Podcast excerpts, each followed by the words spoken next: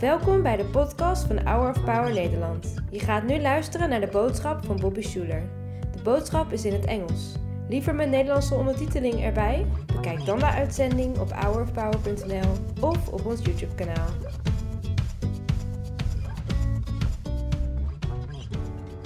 Let's say this together. I'm not what I do. I'm not what I have. I'm not what people say about me. I am the beloved of God. It's who I am. No one can take it from me. I don't have to worry. I don't have to hurry. I can trust my friend Jesus and share his love with the world.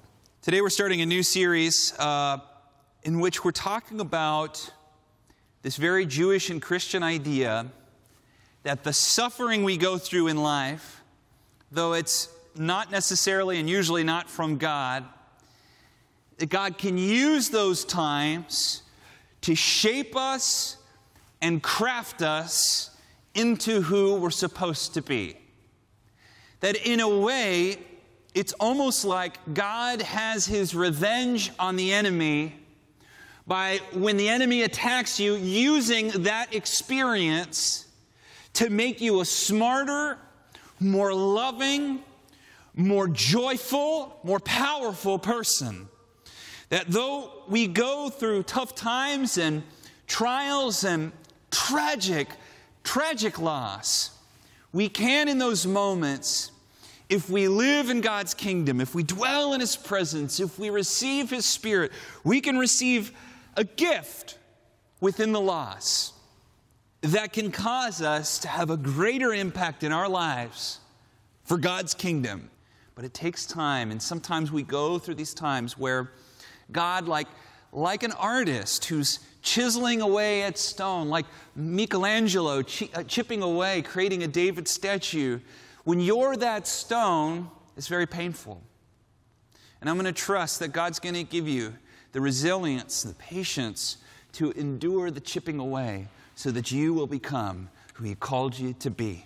I want to talk a little bit, uh, tell a personal story that many people in our local church will share. Now, a lot of our viewers on TV now, because I've been here for a while, actually don't aren't familiar with my grandpa, aren't familiar with the Crystal Cathedral, but it's a really important part of this television program and an important part of our local church. Back in the day, when Hannah and I moved back to California from Oklahoma, we were recently married, and we very much felt that the Holy Spirit put a calling on our heart to come to California at a salary of $23,000 a year in Orange County, which was not a lot. I had an offer at another job at 79,000 in Washington D.C. actually, and we turned that down because we felt that the Lord called us to come to the Crystal Cathedral and to effectively help my dad, who was the new senior pastor, bring young people into the Crystal Cathedral, and that was our goal. So we came in as effectively, eventually, college pastors. We created a group that originally was for college people, but just kind of became an almost church service within the church where people were attending. And I have to tell you that those years at the Crystal Cathedral were maybe some of the most wonderful years of my life. We lived in a little house on Anzio with blue carpet that was backed up right to the church. Every morning you could hear the church bells play whatever music that had been scheduled. And, and it was just so, so wonderful to be a part of something great that God was doing in the world. And as a Schuller and a family member, there was just so much, I think, good pride that we felt in being a small part of something really big. It was during those times I got to spend a lot more time with my grandpa Schuller, who I really came to idolize. And during these times, I remember you know, as my dad was stepping into leadership, those are big shoes to fill. He wrote a book called Walking in Your Own Shoes, saying you have to find your own calling. And during that time, I think really struggled as a void of leadership. My dad was trying to fill it. There were other people who are also sort of trying to get a piece of that.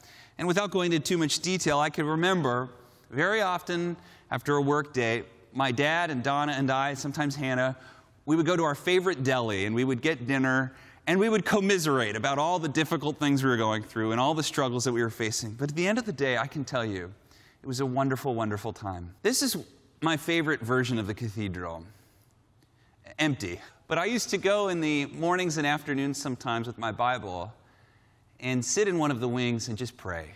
Pray for the church, pray for the mission, pray for my family. It was, it was and is a special place. And that's why it was very strange that on July 9th in 2008, my dad called me on the phone. I was driving in my car, and he said, Bobby, he was crying, I just resigned from the cathedral. And I had this conversation, and as he's talking and I'm listening, I'm also having my own thoughts in the back of my head. It's like I knew in that moment everything was going to change. I had a good feeling that the church was not going to survive this. And yet, I had a feeling of relief, joy, and excitement.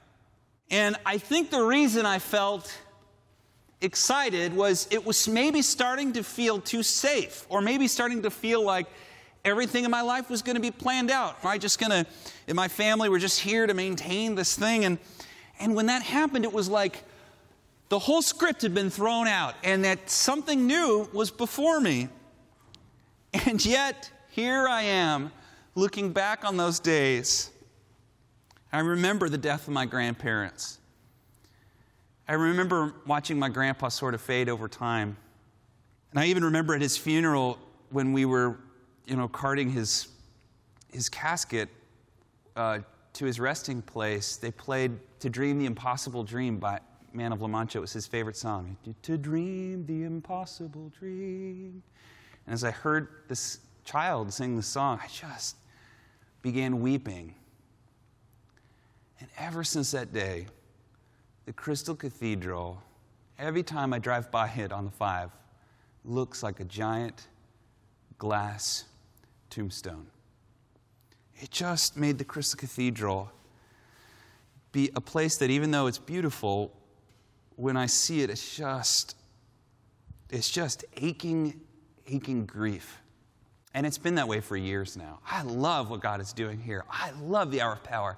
And in a way, I'm also grateful that we went through that to reclaim a lot of the great things that God has done. And the future is so bright. And I'm so excited to be here. And yet, I've had this aching. I don't know, Hannah, if you felt that way, but just this burden.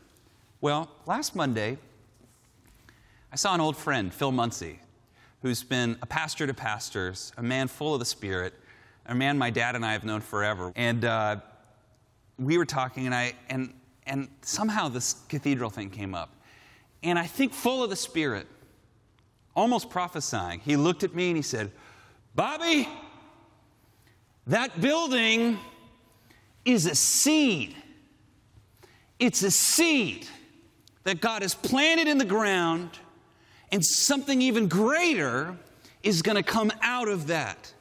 And friends, let me tell you, I knew exactly what he meant by that. This is not a new idea. This is the most Christian idea there is. It's called, the old world called it the paschal mystery. Charismatics today call it seed theology. But however you look at it, it is the Easter miracle when we experience death, loss, cutting, breaking, hurting. God turns those things into victory, into joy. He was referencing John when Jesus says, Unless a kernel of wheat falls to the ground and dies, it remains a single seed. But if it dies, it produces many seeds.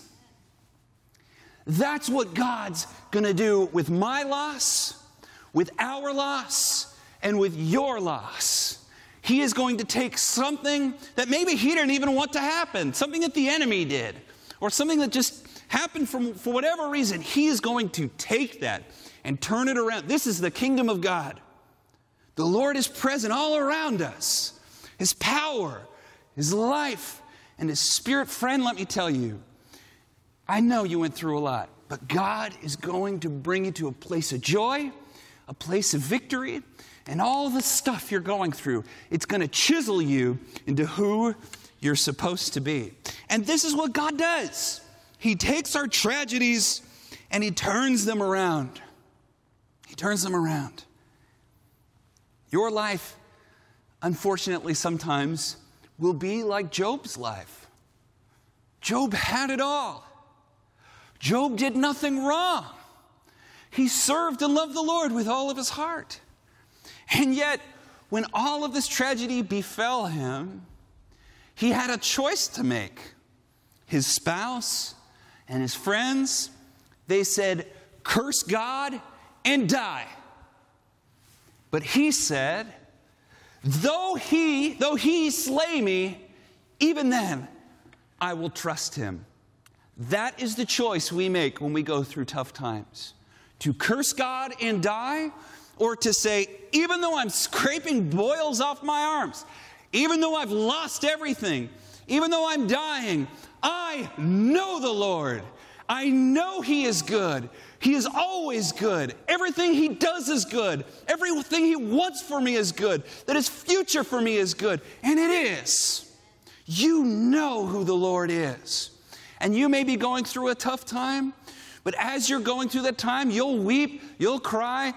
Sometimes you'll feel self pity. Sometimes you'll feel bummed out. You'll be depressed. You can't get out of bed. But you will say, Though He slay me, I'm going to trust Him. And God brought back to Job everything and more and He will for you. When I look at that statue of Job, you see that a man has been chiseled out of stone. That chiseling comes from cutting.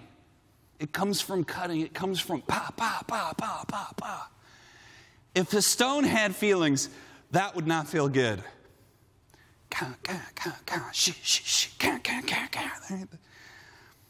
I just believe maybe that's what God's doing through you. He's creating a masterpiece.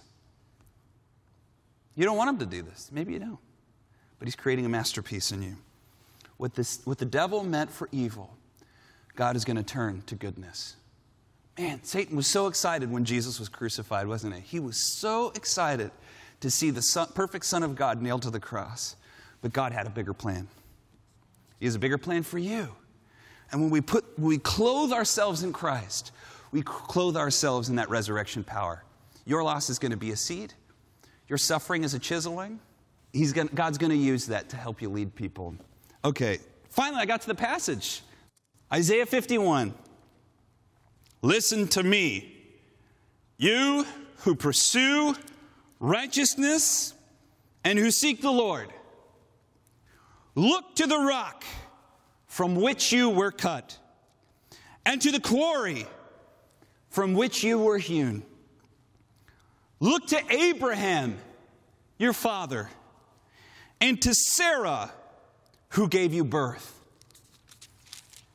When I called him, he was only one man, and I blessed him and made him many. The Lord will surely comfort Zion and will look with compassion on her ruins. He will make her deserts like Eden her wastelands like the garden of the Lord. Joy and gladness will be found in her, thanksgiving and the sound of singing. Hear that for you. Read it as it's for you that the Lord will surely comfort you and will look with compassion on your ruin. And he will make your deserts like Eden and your wastelands like the garden of the Lord. Joy and gladness will be found in you. Thanksgiving and the sound of singing. This is the word of the Lord. Believe it. It's true. God's going to do it in you. He did it for me. He'll do it for you. This passage is saying, remember, Abraham and Sarah, you, they went through all of this stuff. And when, when the Bible says Abraham and Sarah, it means everybody Abraham, Isaac, Jacob, Joshua, Moses, Joseph, David, Solomon, right? Ruth, Deborah, Sarah. Remember, remember what they went through. Remember that their lives, none of them were easy. None of them were perfect. You know, they all were imperfect, they were flawed, they messed up, they, they would break the law, but they were people who, in the end, kept their eyes fixed on the kingdom of heaven. They were people who, who loved the Lord. And that was the one thing you couldn't take from them that they all loved the Lord and they loved His Word and they trusted Him. And because they trusted Him, God saw that as righteousness and blessed them. Remember them. And so Isaiah is saying, Remember. Remember those stories. Remember what they went through. God had a bigger plan for them, and He's got a bigger plan for you. Remember. Then he goes on to say, and remember what God did to Egypt. Egypt, the great symbol of power. There's, it says later in the same passage, remember Rahab, not Rahab the prostitute from the story, that's a good guy, but Rahab the monster. So in Middle Eastern culture, there's the symbol of Rahab the sea monster, who is specifically a symbol for Egypt, but also functions in the Bible as a symbol for Satan. And so you remember, God brought people, the small people, the Hebrew people, out of Egypt, the greatest empire on earth. And in doing that, God says, I cut Rahab into pieces, referring to Egypt. But it's also saying, I cut Satan into pieces. So notice, Isaiah 51, the theme is cutting, chiseling, breaking. And it's like when when the arrogant and the proud and the wicked, according to Isaiah 51, when they come under the cutting, they're cut to pieces, they're destroyed. You know, that even though they think they're great, they're going to be annihilated. But when the righteous, people like you who are not perfect but are pulled out of the quarry of Abraham and Sarah, you're from them. You come from that place. And when a stone is pulled from a quarry, it doesn't come out looking like Michelangelo's David. It, comes out looking gnarly and discolored and dusty and dirty and, and just, you know, and that's how, that's how your life is. But the substance of the thing is valuable. It's marble. It's, it's, it has value and it requires cutting and sanding and breaking to become what it's supposed to be. And this is what Isaiah 51 says. When the wicked come under God's cutting, they're cut to pieces. But when someone like you comes under suffering, comes under hardship, comes under difficulty, God is forming a masterpiece in you. Believe it and let that hope carry you through this tough time. Let that hope carry you. I, uh, I believe that the theme of Isaiah 51 is that God says, I will cut Satan to pieces, but I will cut you to your purpose. I will cut the enemy to pieces, but the cutting that you're going to face is going to cut you into your purpose, cut you into what you're called to be. I was interested to find out that there is a thing called post traumatic growth. Have you ever heard of that? It's almost as common as the more well known post traumatic stress. You know, psychologists say that very often when someone goes through utter trauma, something that should destroy their soul, the loss of, a, of someone you care about, or, or, or some kind of horrible life event, that sometimes the opposite could happen because they discovered that they're stronger than they thought. They would think they could never endure something like that. They get a new appreciation for life. They begin to change their priorities to be about what's really important in life. And because of that, a reinforcing thing happens where now a lot of positive change is happening in their life. And I think that not in all cases, you know, we need medicine and we need counselors, and, but sometimes when we go through trauma, I'm going to believe that if you've gone through trauma, I'm just going to declare that you're going to experience post traumatic growth that God's going to use whatever it is that you went through to, to continue to do a good thing in you and a good thing in the world around you. I just want to pray and believe that over you, my friend. I believe in you. You don't have to let the trauma that you went through define, you know, your outcome. If anything, let it make you into the person you were born to become. That's the best revenge you can have on the enemy, is to become a fully formed Jesus kind of person. That's not to say that we should look for obstacles and that we should look for pain and look for trial, but to try and see the stress that we go through in life as an opportunity to grow. And I'm just going to believe that what Jesus said is true that before you lies two paths. He said, Enter through the narrow gate, for broad is the way that leads to destruction, and many enter through it. But difficult is the way that leads to life, and only a few find it. Friend, you're going to find that path. Maybe you're on it now. Don't give up. Don't give up. Don't turn away from the Lord. Double down on your commitment to God's kingdom. Love your neighbor with all your heart, with everything in you. Love the Lord your God with all your heart and with all your soul. If you do these things, you will live and truly live. Not just go to heaven when you die, but you will be full of life. I'm going to believe that for you. You're going to get through what you're going through. I want you to know I love you, Hannah loves you, this church loves you, and the Lord loves you, and He will never give up on you. He allows us sometimes to go through tough times, but He always carries you through to victory. Your victory is closer than you know. Let's pray. Father, we love you and we thank you that you've not given up on us. And we just ask, Lord, I pray over everyone under the sound of my voice that the losses that they've gone through, the challenges that they've faced, that those losses could become as seeds would in the ground, that something multiplying, something enriching could come out of that to, to bring life, to bring joy, to bring dancing. Some of us in our church have lost a spouse or lost a loved one, a child, a, a, fa- a mother or father, someone that we were really close to, a best friend, and we miss them. Lord, allow their lives to continue to bless us today.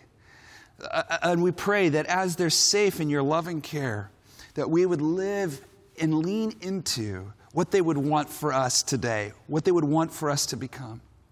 And I just pray, God, an outpouring of your blessing over everyone under the sound of my voice. In the name of your Son, Jesus Christ. Amen. Bedankt voor het luisteren naar de podcast van deze week. We hopen dat deze boodschap jou heeft bemoedigd. Wil je meer weten over Hour of Power of dagelijkse bemoedigingen ontvangen? Ga dan naar www.hourofpower.nl.